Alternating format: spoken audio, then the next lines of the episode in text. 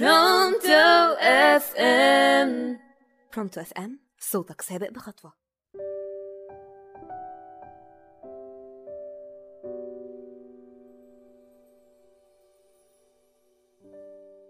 مساء الخير والسعادة على كل أصدقائي المستمعين. معاكم منى عبد المنصف من راديو برونتو اف ام وبرنامجكم يوميات وهدان في رمضان. حكاية بنعيش معاها أيام وليالي رمضان. بس هنكمل الحكاية. وهنعرف وهدان عمل إيه لما راح الجمعية الخيرية بعد فاصل صغير. فاصل سريع ونرجع تاني مع الحلقة السادسة في يوميات وهدان في رمضان. خليكم معانا. بتحب ربنا؟ طبعا. بتحبه ليه؟ أنت عبيط يا ابني. بحب ربنا عشان هو ربنا من وإحنا صغيرين. طالعين بنحب ربنا. ما فيهاش كلام دي يعني. طب إيه رأيك لو قلت لك إني بحبك بس عمري ما حاولت أعرفك؟ هتصدقني؟ طبعا لا. إحنا بنعمل كده مع ربنا. بنقول إننا بنحبه بس ما نعرفش عنه حاجة. بتحبه ولا ما تعرفوش؟ ده اللي هنعرفه في ثلاث خمسات. ثلاث خمسات مع شيماء حواس حصريا في رمضان على برونتو أف إم. برونتو أف إم. برونتو أف إم صوتك سابق بخطوة. أنتوا لسه بتسمعوا يوميات وهدان في رمضان مع منى عبد المنصف على برونتو أف إم. ورجعت لكم بعد الفاصل ونكمل حكايتنا مع يوميات وهدان في رمضان. وقبل ما نبدأ كلامنا هنقول كان يا مكان وما يحلى الكلام إلا بذكر النبي عليه الصلاة والسلام. مامة وهدان جهزت فطار جميل وراحت مع وهدان وباباه للجمعية الخيرية. وهدان لما وصل شاف ناس كتيرة موجودة كبار في السن وعواجيز. اللي بياخد دواء واللي محتاج حد يساعده ويقومه وكل ما حد يدخل ويسلم عليهم يفرحوا ويبقوا مبسوطين. وهدان قعد يفكر هو ممكن يساعدهم إزاي؟ وهو لسه صغير ومش عارف يعمل زي الحاجات اللي بيعملوها الكبار ويساعدهم. وبعد ما فكر شوية جات له فكرة وقال أنا لازم أسليهم وهحكي لهم الحكاية اللي قريتها في المكتبة. وقف وهدان على كرسي صغير وقال ممكن تسمعوني؟ أنا عايز أحكي لكم حكاية. حكاية الشجرة الطيبة.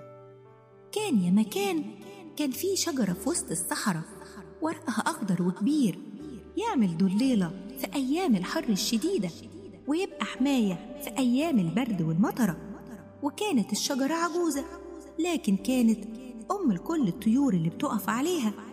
في يوم من الأيام قام واحد من الطيور وقال عايزين نمشي من الشجرة دي دي شجرة بقت كبيرة وعجوزة إحنا لازم ندور على شجرة ورقها أحسن وتكون شجرة في العمر صغيرة. الشجرة قالت لهم ما تسيبونيش لوحدي ده أنا زي أمكم ودايما براعيكم وأخاف عليكم خليكم جنبي وما تبعدوش عني. لكن الطيور حسمت أمرها. وكلهم طاروا وسابوها لوحدها. وفضلت الطيور تدور على شجرة تجمعهم. لكن كل الشجر اللي لقوه كان صحيح في العمر صغير لكن لسه ضعيف وورق الشجر لسه صغير. بعد ما لفوا وتعبوا رجعوا تاني للشجرة الطيبة وقالوا لها إحنا آسفين إحنا كنا غلطانين.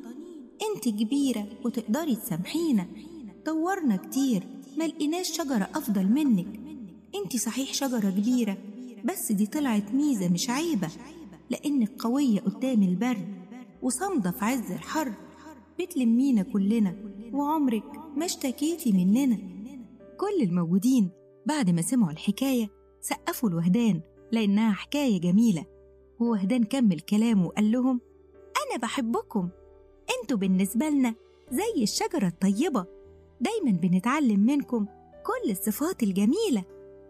قام واحد من المسنين طبطب على وهدان وقال له لو إحنا الشجرة الطيبة فأنت يا وهدان الثمرة الحلوة اللي بكرة تكبر وتبقى شجرة ليها فروع وأغصان كتيرة كلها مليانة بالخير والعطاء وكلهم اتفقوا مع وهدان كل أسبوع هيجيلهم مرة يقعد معاهم ويحكي لهم حكاية من حكاياته الجميلة والمدفع ضرب والأذان أذن والمؤذن قال الله أكبر.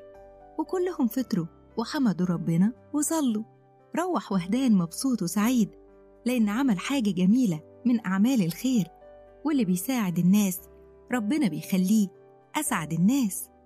مامة وهدان ندهت عليه وقالت له جهز حاجتك ونام يا وهدان علشان ما تتأخرش على رحلة المدرسة بكرة.